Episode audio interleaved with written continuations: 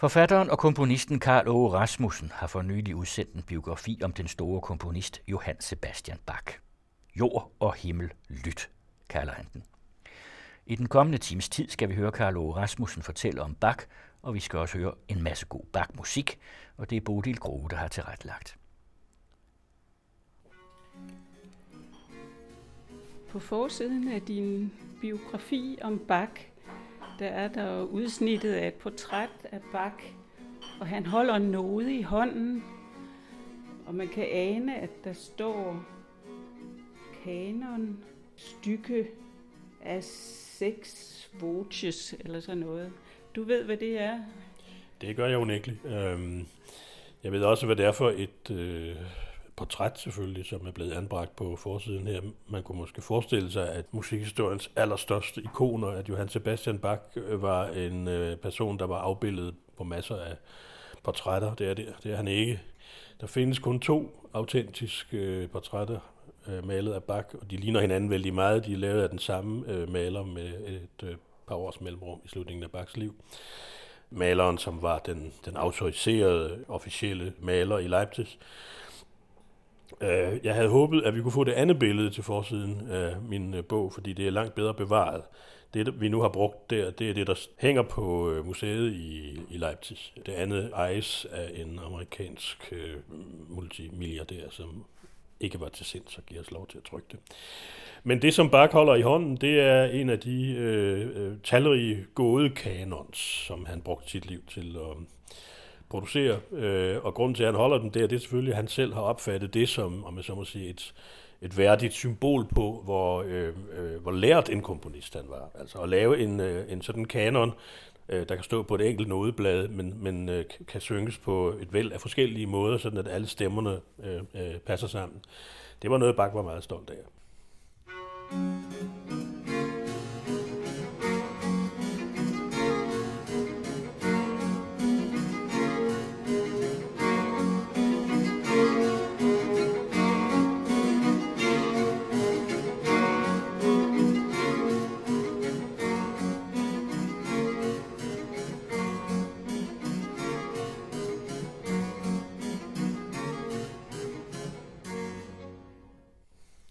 når det er en gåde, så er det fordi, hvad, hvad er det, man skal gætte?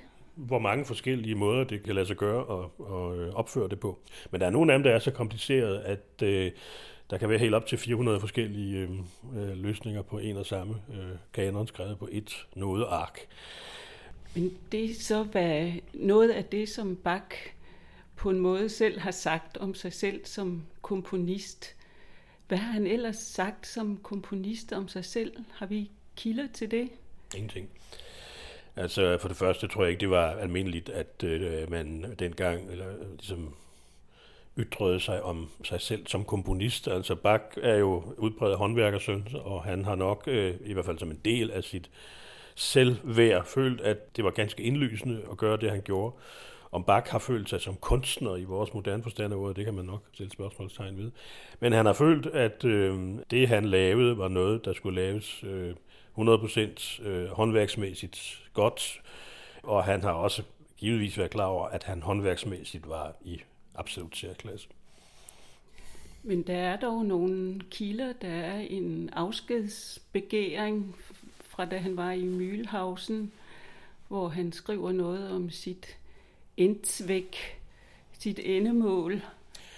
Det er rigtigt. De øh, meget få øh, ting, vi har, øh, som har karakter af breve fra Bach, det er næsten altid øh, endeløse skænderier, han havde med sine forsatte, når han synes, at han blev tilsidesat, når han synes, at han ikke fik nok i løn, når han synes, at øh, det var urimeligt, at han ikke skulle have lov til at vælge salmerne til gudstjenesten osv. osv.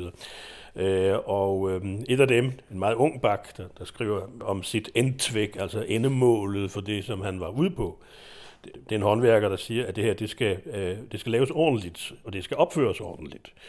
Og så skal det naturligvis være til Guds ære. Men meget senere i sit liv, der siger Bach faktisk noget, der næsten kunne lyde som et motto. Fordi han siger til Guds ære, og for at min nabo deraf kan lære. Og det er selvfølgelig også en del af det, som øh, er en vigtig baggrund for Bach. Man kan ikke sige, at Bach er et barn af oplysningstiden, men han bliver jo altså en del af oplysningstiden. Altså, øh, få år efter, at Bach dør, der begynder disse store encyklopædier at udkomme, de store øh, øh, opslagsværker, hvor man kan se, hvad de forskellige ting er, og ord betyder og sådan noget. Så det, det spiller utvivlsomt en, en anden vigtig rolle for Bak, øh, for det er jo klart, at man øh, må ikke se Bak som en, en mand, der har, øh, har brugt sit liv på at snikrere borer, ligesom om han var snedker eller sådan noget. Han har tænkt, at det var, skulle også være i orden, men der var selvfølgelig en dimension mere, som ikke i samme grad ville øh, eksistere, hvis det drejede sig om et bord eller noget andet, end håndværker laver. Men en velordnet, som han siger, kirkemusik til Guds ære, Altså det der med velordnet, bortset fra, at der skulle være øh, ordentlige musikere og sangere til at fremføre musikken, kunne man så også tænke på det som noget af det, som mange forskere har været inde på, nemlig hans brug af, af tal og symmetrier. Altså det velordnede kunne være sådan et kompositionsprincip, Øh, at han ligesom bruger øh, en talmæssig velordnethed som til brug for at komponere? Det tror jeg ikke. Øh, når Bach bruger ordet velordnet øh, på det øh, sted i sit liv, og på den måde, så har han primært, øh, først, først og fremmest har han tænkt på, at den skulle være velordnet ved at skulle udføres ordentligt. Altså at man øh, har, skulle have musikere, der var tilstrækkeligt dygtige, og øh, man har skulle have tid til at sikre, at de kunne øh, fremføre den her musik på en anstændig måde. Øh, det andet aspekt, øh, som er et øh, uafviseligt vigtigt aspekt hos Bach, det er jo noget, han deler med, øh, med mange af sine kolleger. Så jeg tror ikke, at, at han i den forstand ville bruge ordet velordnet om sin egen musik, fordi den øh, interesserer sig for for eksempel øh, proportioner, altså det vil sige altså for eksempel varigheder imellem forskellige afsnit, eller måden øh, den store form for eksempel forløber på, om hvordan en kantate, der har måske øh, 9 eller 12 satser, hvordan de enkelte satser skydes ind imellem hinanden og sådan noget. Det er selvfølgelig noget, Bach øh, øh, er uhyre opmærksom på. Men jeg tror ikke, at det er en del af det velordnede. Øh, at Bach så nok er den komponist i historien, der øh, har interesseret sig mest for, for tal, proportioner og den slags. Øh, det tror jeg snarere har at gøre med en øh, tradition øh, i, i hans øh, fødeegn i Thüringen, øh, hvor man simpelthen mente, at hvis disse talforhold var til stede i et, i et øh, kunstværk, og det er jo ikke kun i musik, det kunne jo også være for eksempel de såkaldte gyldne snitsproportioner, der kunne være i arkitekturen eller, eller i møbler eller hvad søren, Øhm, hvis, øh, hvis disse talforhold var velafstemte og vel gennemtænkte, så øh, sikrede man dermed et kunstværks eviggyldighed. Og det tror jeg har spillet en rolle for Bach. Det tal, som er, er fuldkommen, eller de to tal, som er fuldkommen gennemgående hos øh, Bach, det har at gøre med det, med det man kalder talalfabetet. Altså, hvis man tager navnet øh, Bach, B-A-C-H, øh, så vil man hurtigt kunne se, at de tal, som disse bogstaver øh, repræsenterer, det er selvfølgelig A1, B2, C3, og så kan de fleste nok tælle sig frem til, at kommer man til H, så bliver det 8. Og det er øh, ikke bare Bachs, øh, hvad skal vi kalde det, grundtal, altså 2, 1, 3, 8. Sjovt nok er det også, passer det med det tidspunkt, han blev født på, den 21. i 3. Det vil føre alt for vidt at komme ind på de her øh, øh, komplicerede regnestykker, men der er overhovedet ikke nogen som helst tvivl om, at det her det er noget, Bach har, har indsat, og at det ikke har været nogen kompositionsmæssig hjælp. Det kan man se af, at han en sjældent gang regner lidt forkert. Og så øh, indsætter Bach, så laver han øh, en lille klamme og siger, her mangler altså en takt. Men den takt, der mangler, har ingen som helst musikalsk øh, betydning. Det er ikke sådan, at musikken øh, pludselig bliver anderledes, fordi den takt kommer ind. Den mangler bare, mm. fordi ellers passer regnestykket ikke. Og det, som er helt utroligt, det er, at det her, ja, det skal man så lige regne ud, at 2, 1, 3, 8, det giver tværsummen 14. Og tallet 14 har umådelig betydning for Bach på alle mulige måder. Og det andet tal, der også har umådelig betydning for ham, det er så det tal, vi når frem til, hvis vi skriver Johann Sebastian Bach. Fordi hvis man så lægger alle de bogstaver sammen, så får man tværsummen 41. Og det er jo lige det omvendte af 14. så at Bach har været optaget af det her, det kan man sådan set ikke undre sig over. Altså mere optaget af det end, end, end mange, mange andre komponister, fordi han har altså følt, at de her tal, de symboliserer så at sige hans færden på jorden. Og øh, det utrolige er, at Bach også opererer med, selvom Bach ikke har kendt til øh, decimal øh, regning og sådan noget, så er øh, selve forestillingen om 1,4 kan man også finde igen og igen hos Bach. For eksempel, at der er, øh, når vi nu taler om proportioner, ordet Verhältnis på tysk, altså forhold, det er et ord, som dukker op mange steder i datidens øh, musikteori, så det er bestemt ikke kun Bach, der har interesseret sig for disse forhold. Men øh, hos Bach, for eksempel i øh, det sidste storværk i øh, H-mol Messen, som jo burde hedde D-dur-messen, fordi den er meget mere i D-dur, end den er i H-mål. Øhm, der bliver satserne gradvist kortere, sådan at øh, en sats et givet sted er lige præcis så meget øh, kortere, som den foregående sats var kortere end den, der lå foran den. Og det sker så øh, i proportioner, som øh, er meget, meget, meget, meget tæt på at være 1,4. Altså det vil sige, at Bach tæller ikke bare takter, han tæller også øh, for eksempel fjerdedele osv., så sådan at vi kan altså få en, en fjerdedel takt også. For ellers kan det jo ikke rigtig gå op, det her. En af de øh, sådan mere underholdende ting, kan man sige, det er, at et af Bachs allermest kendte værker, næsten alle, der har spillet klaver hos en spillelærer eller lærerinde, kender det veltempererede klaver, der svoltempererede klaver med fugaer og øh, præludier, formentlig et af de mest kendte klaverværker i musikhistorien. Det vil så ikke overraske ret mange, at øh, der er 2.100 og ja, 35 takter i det værk. Og så må jeg sige, hvor var det ikke 8? Jo, men de sidste, det sidste tretal, det er jo treenighedens tretal. Det tilhører Gud alene. Så det ville være hybris, hvis Bach øh, havde komponeret tre takter mere. Så det var blevet til 2138 takter, så det er kun 35. Thank you.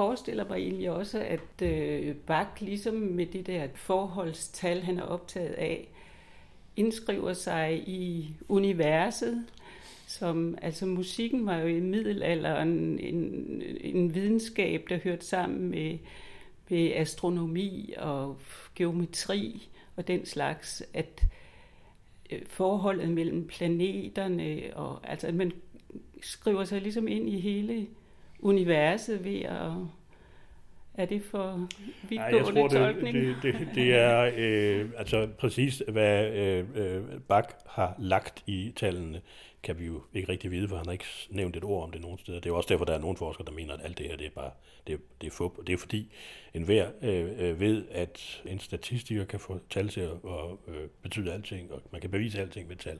Der er nogle hollænder, der har fundet ud af, at Bakma har kendt sit eget dødsår, fordi øh, øh, øh, den 28. Øh, i 7. Øh, 1750, det er også et tal, som de mener at finde alle mulige steder hos Bach. Så man skal være en lille smule øh, forsigtig med de her tal. Men, men altså, at de har haft en symbolsk betydning for Bach, det er der ingen tvivl om. Om det så lige har været den der keplerske med, at planeternes svingningstal osv., det tror jeg er lidt for meget at gøre ud af det. Men som sagt, altså, selve dette, at tal betyder noget for musik, det var sådan set en meget enkel og, og alment accepteret tanke på det tidspunkt. Tænk på netop det med det veltempererede klaver. Altså, hvad er nu det for noget? Ja, det er jo netop noget med talforhold, fordi øh, vi har nogle bestemte enkle talforhold, som er udtryk for den rene stemning. Det er nogle talforhold, der for eksempel betyder, at en oktav, den er talforholdet 2 til 1, og en kvint er forholdet øh, 3 til 1 osv. Der er nogle meget, meget, meget enkle tal. Desværre er det så bare sådan, at, øh, at øh, hvis man for eksempel tager tre store tertser, så skulle man jo gerne, det ved enhver, der har et klaver, så skulle man jo gerne ende på oktaven igen. Men øh, tertsen er, øh, er forholdet 5 til 1. Hvis man så lægger tre tertser om på hinanden, så er man altså uheldigvis nået et lidt andet sted hen, end hvis man siger 1 til 2. Og det vil så sige, at øh, øh, Pythagoras' tal øh, gør det ikke muligt at lave et renstemt øh, instrument, fordi så kan man ikke spille i de andre tonearter, men kun i en enkelt toneart. Og det er så det med det såkaldt veltempererede, og der er jo en masse tal i det. Så altså, at tal har betydet øh, meget for musikere øh, på det her tidspunkt, er der ingen tvivl om. Men jeg tror ikke lige på den der sådan, øh, sådan lidt øhm, øh, øh, overordnede måde. Men jeg citerer i bogen øh, en af de store øh, 1500-tals tænkere, nemlig Leibniz, øh, som i et brev til en, øh, en ven øh, skriver, øh, jeg tror, at øh, musik er en hemmelig taløvelse for sjælen men sjælen ved ikke, at den tæller. Og det er jo sådan set måske øh, et meget godt bud på det her med, at øh, tallene spiller en rolle, men det handler jo ikke om, det er jo ikke meningen, at vi skal sidde og tælle, når vi hører musik. Selvom jeg kan se på mange mennesker, når de lytter til bak, at deres fødder, de tramper lidt i gulvet og sådan noget. Altså, så man har en fornemmelse af, at rytmen i sig selv selvfølgelig er en form for øh, tællerytme, ikke sandt? Men øh, lad os nu ikke glemme, at selvfølgelig er tal øh, interessant, øh, hvis man vil interessere sig for, hvordan Bach komponerede, hvordan han tænkte. Men de spiller en meget ring rolle øh, for den, der blot skal have fornøjelse af at lytte til musik. Men altså, øh, øh det her med, med tallene hos Bach, det er helt givet noget, noget symbolsk. Det er noget, der har betydet noget for Bachs forståelse af sig selv, og måske også har været ham en trøst, når han har tænkt på, hvad skal der dog blive af de her bunker af musik, no, mange værker, der blev spillet en enkelt gang, fordi mange kantater skrev Bach jo til værtslige formål. Altså når den 11-årige øh, kronprins fra Dresden øh, havde fødselsdag, så skrev Bach en, en øh, kæmpe kantate for kor og orkester osv., som selvfølgelig ikke kunne spilles mere, fordi nu er øh, knækken jo pludselig blevet 12 år i stedet for. Så øh, Bach må have følt, at det var nødvendigt, at der var noget, der så at sige var mere eviggyldigt end blot denne øh, enkeltstående opførelse af et stort værk, som han har arbejdet på. Ikke? Skal vi lige huske, at Bach for eksempel i sine, sine første år i Leipzig, der skriver han en kantate hver uge til øh, den næste søndag. Og en kantate er et stykke musik, der varer fra et kvarter til tre kvarter måske, ikke? og som er for et kor og oftest temmelig mange instrumenter, nogle gange ligefrem et, noget, vi i dag ville kalde et slags orkester. Og det er jo i sig selv fuldkommen ufatteligt, hvordan øh, man bærer sig ad med at skrive en halv times musik om ugen, og ovenikøbet øh, skal have skrevet stemmer ud til den, og skal have indøvet dem med, med sanger og med musikere osv. Og der må Bach jo unægteligt have haft den der fornemmelse af, at det her det bruger smid væk. Fordi øh, når man så har, når sønd, søndagen er gået, ja, så kommer der en ny søndag. Og Bach øh, komponerede faktisk, i hvert fald ifølge sin øh, søns optegnelse, hans, øh, en af hans sønner, som også blev en stor kendt komponist, lavede øh, for år efter sin fars øh, død noget, han kaldte øh, nekrolog, hvor han opregnede Bachs liv, som, øh, som han nu kendte. Det, det er den vigtigste kilde, vi nok har til, øh, til, øh, til Bachs liv. Men også en øh, værkfortegnelse. Ikke i detaljer, det er også omfattende, fordi der er jo nok øh, 1100 bevarede øh, bakværker, og så er der jo selvfølgelig det, det triste ved det, så er der cirka en tredjedel, der er blevet væk. Men, men øh, der skriver han, at Bach lavede kantater til, til fem kirkeår. Der er jo cirka 60 helligdage i kirkeåret, og det vil så sige, at Bach har skrevet øh, 5 gange 60, så kan man selv regne på, hvor mange kantater der har været. Og så ved alle, der kender det mindste Bach, jo, at det ikke bare var nogle kantater, men også øh, for eksempel de store passioner. Og det er altså en øh, komponist, som har, må man sige, ufatteligt travlt hele tiden. Det er jo ganske interessant at sidde og forestille sig, hvordan Bach familie allerede før det blev mandag, men i hvert fald efter at søndagen er overstået, og han har opført sin kantate, så skal han jo altså være færdig med den næste, helst i hvert fald om onsdagen, ikke? fordi så skal der jo skrives øh, stemmer ud, og øh, stemmebøger til sangerne, og stemmer til, øh, til musikerne, og så skal der jo altså holdes nogle prøver, og om lørdagen skal det i hvert fald det hele sættes sammen en enkelt gang, inden de om søndagen skal fremføre kantaten, og nogle gange må de så fremføre den på de store dage, må de fremføre den i, i, i begge de to store hovedkirker i, øh, i Leipzig.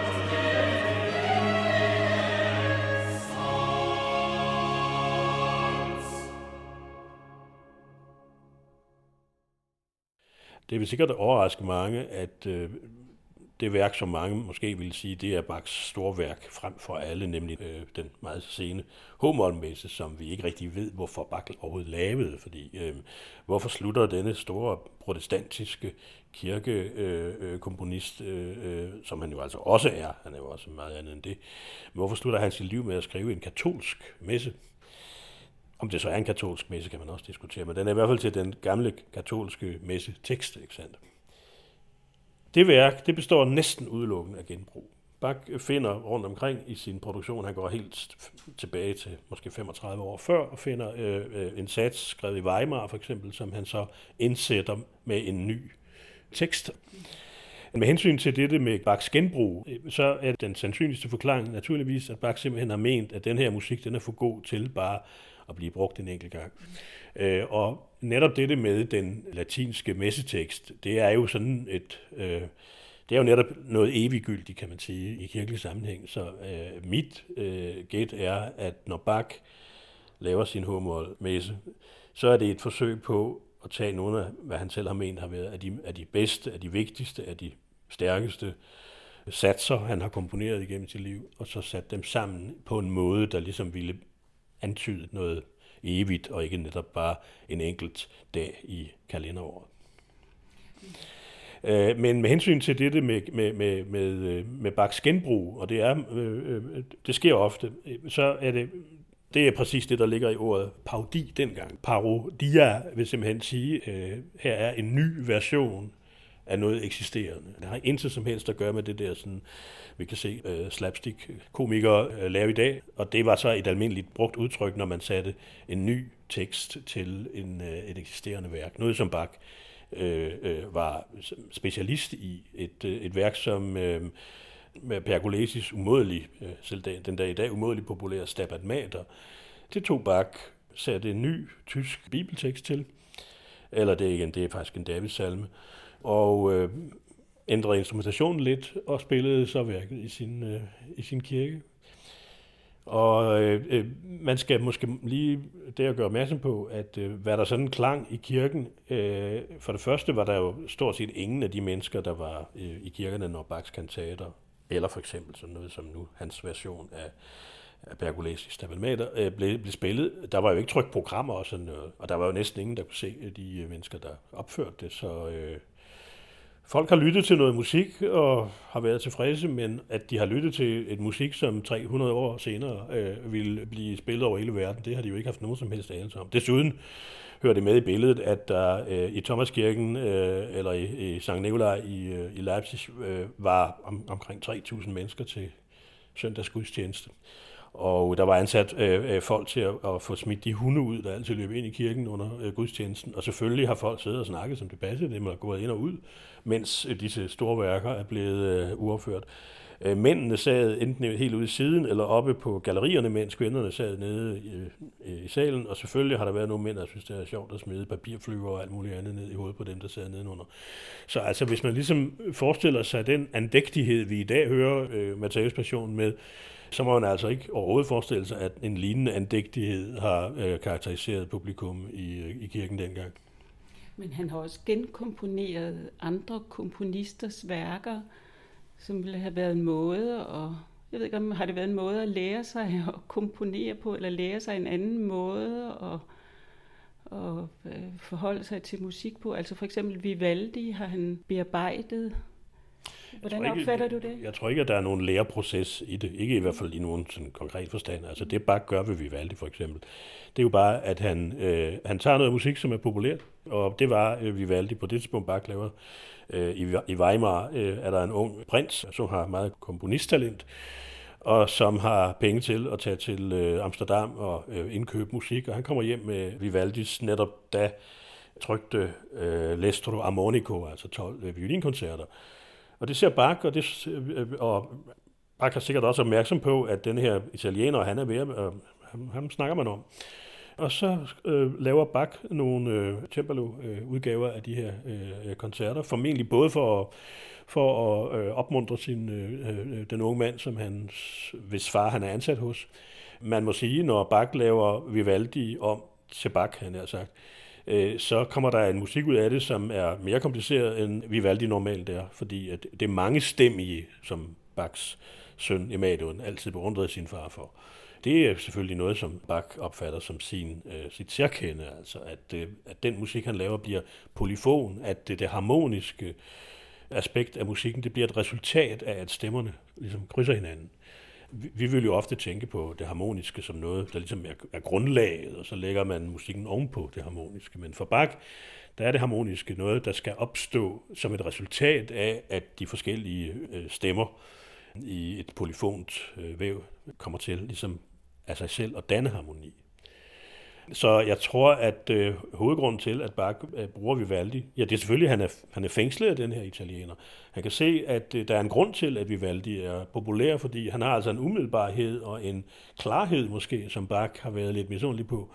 Øh, så man kan da ikke udelukke, at Bach også har, har øh, øh, genkomponeret Vivaldi, fordi han har, været, han har ville sådan afprøve, om han kunne øh, udnytte det her.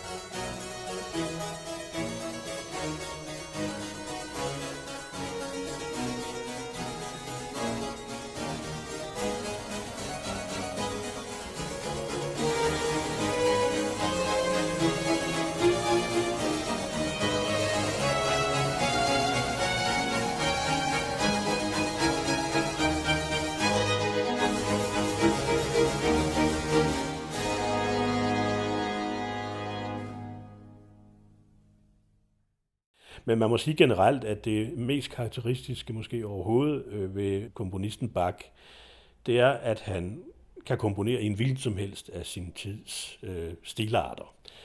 Så øh, Bach skriver i øh, stile francese, altså den franske stil, med en franske ouverture og de franske dansesatser, hvis det er det, han har lyst til.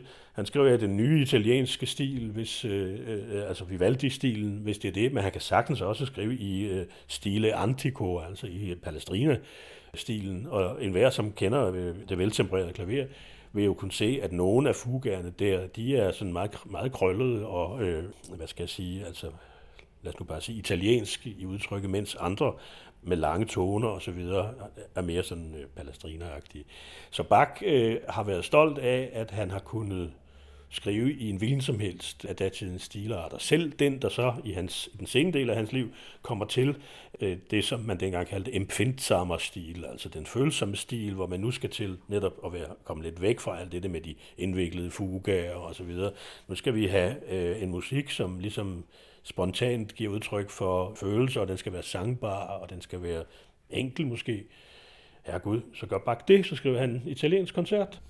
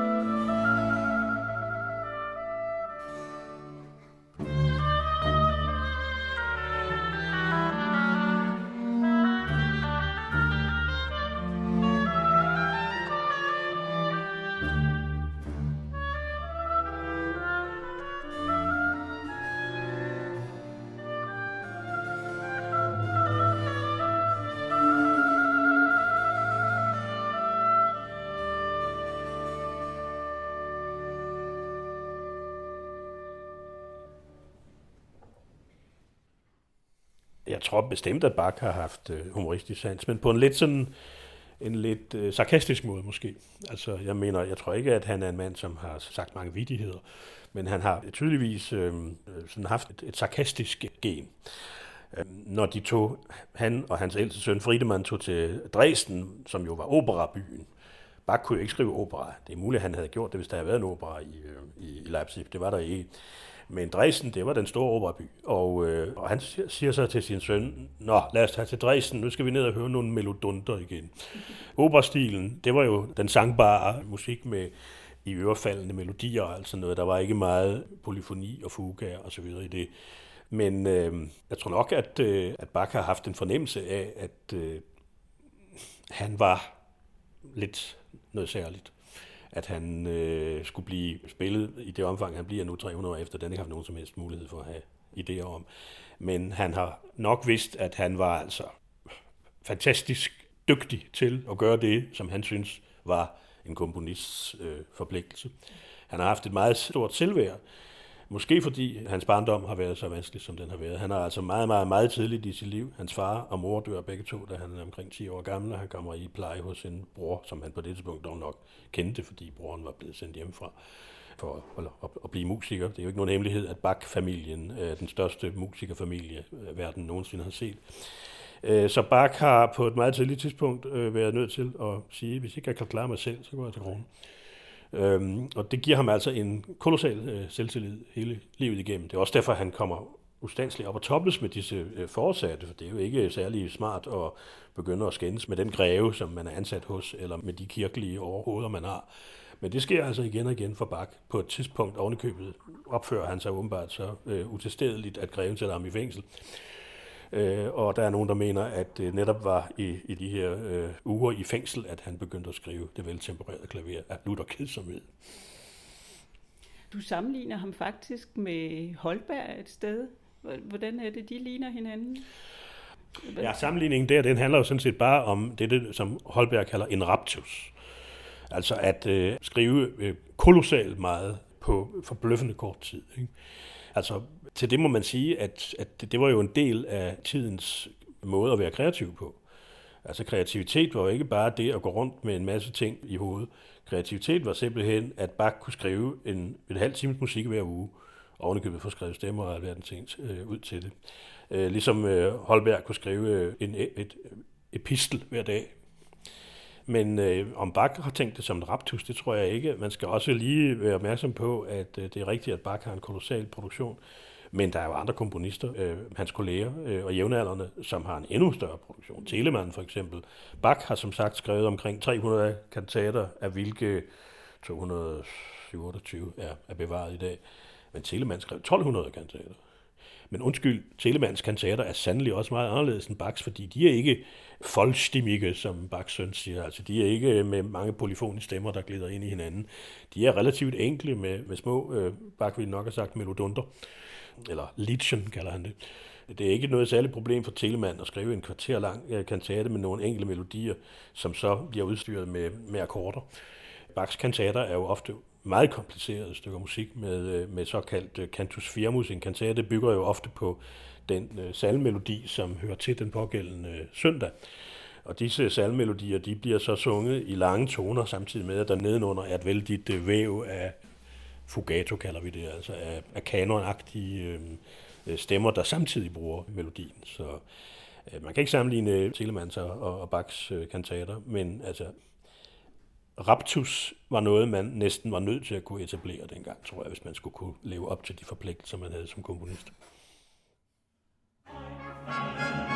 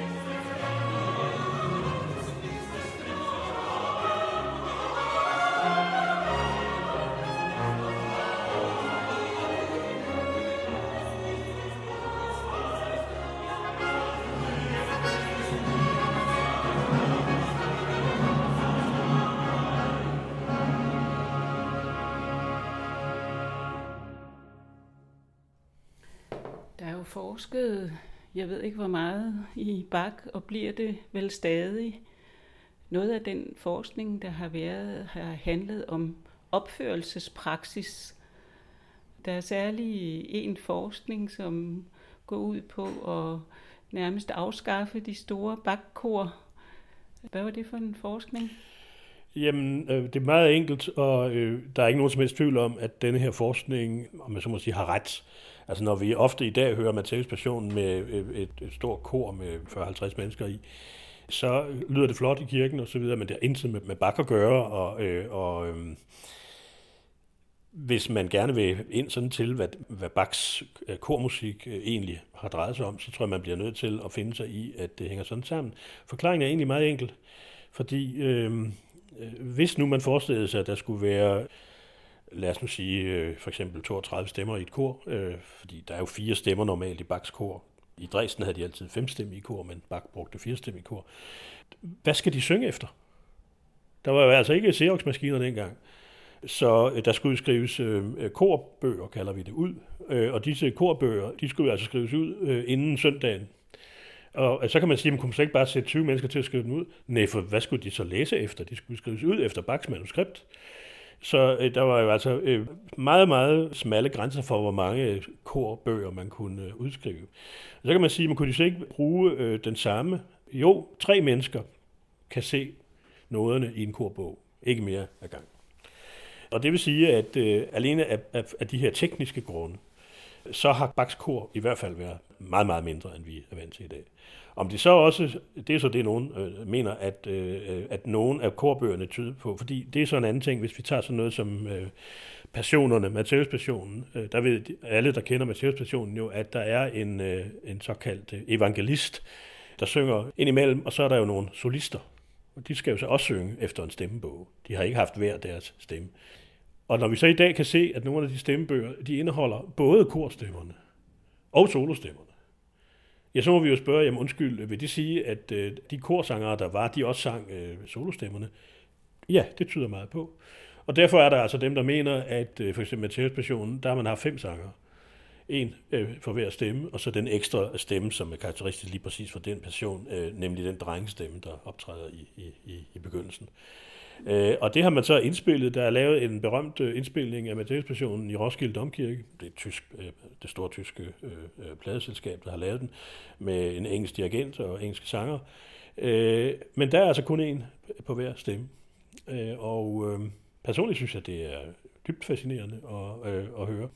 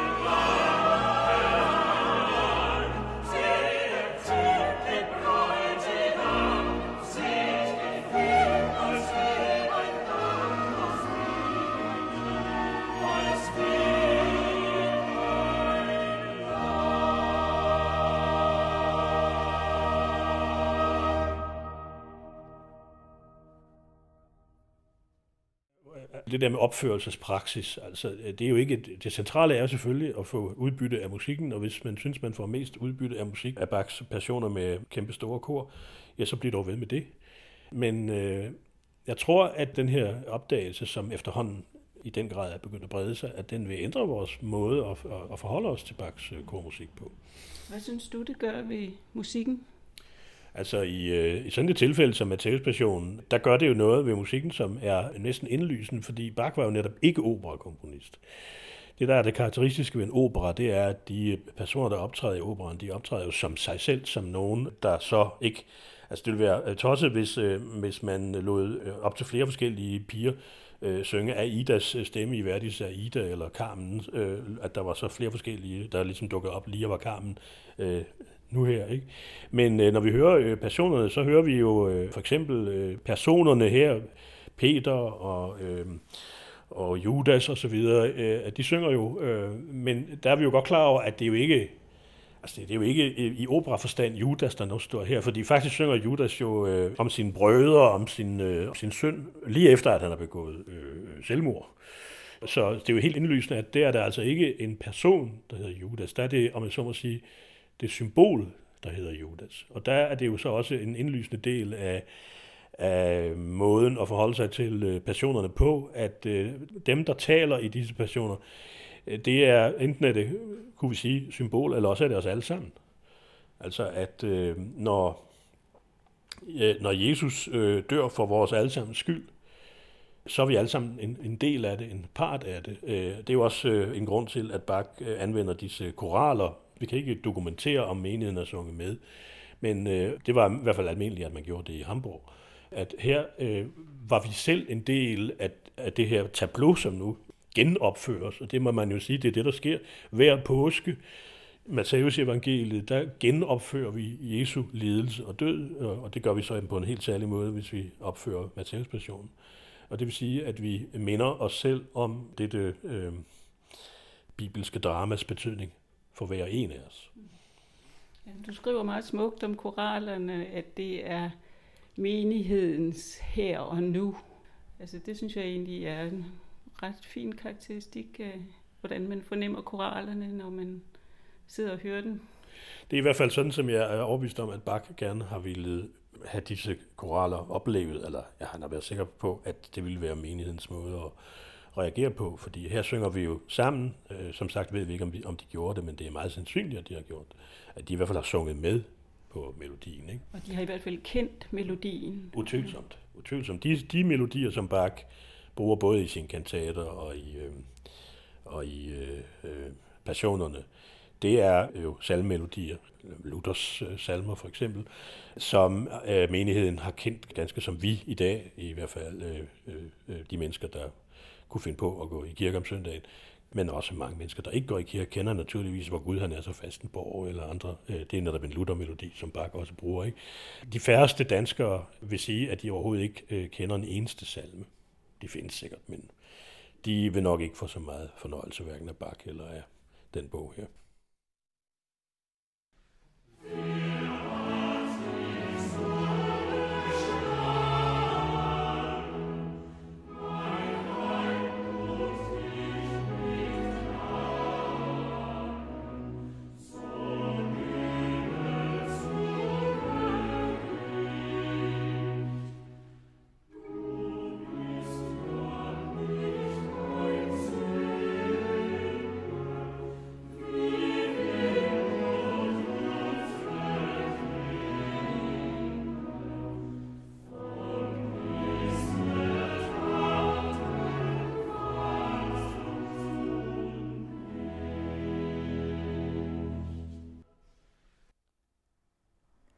Her til sidst hørte vi koralen Wer hat dich so geschlagen med Collegium Vocale Gent, dirigeret af Philippe Herrewege.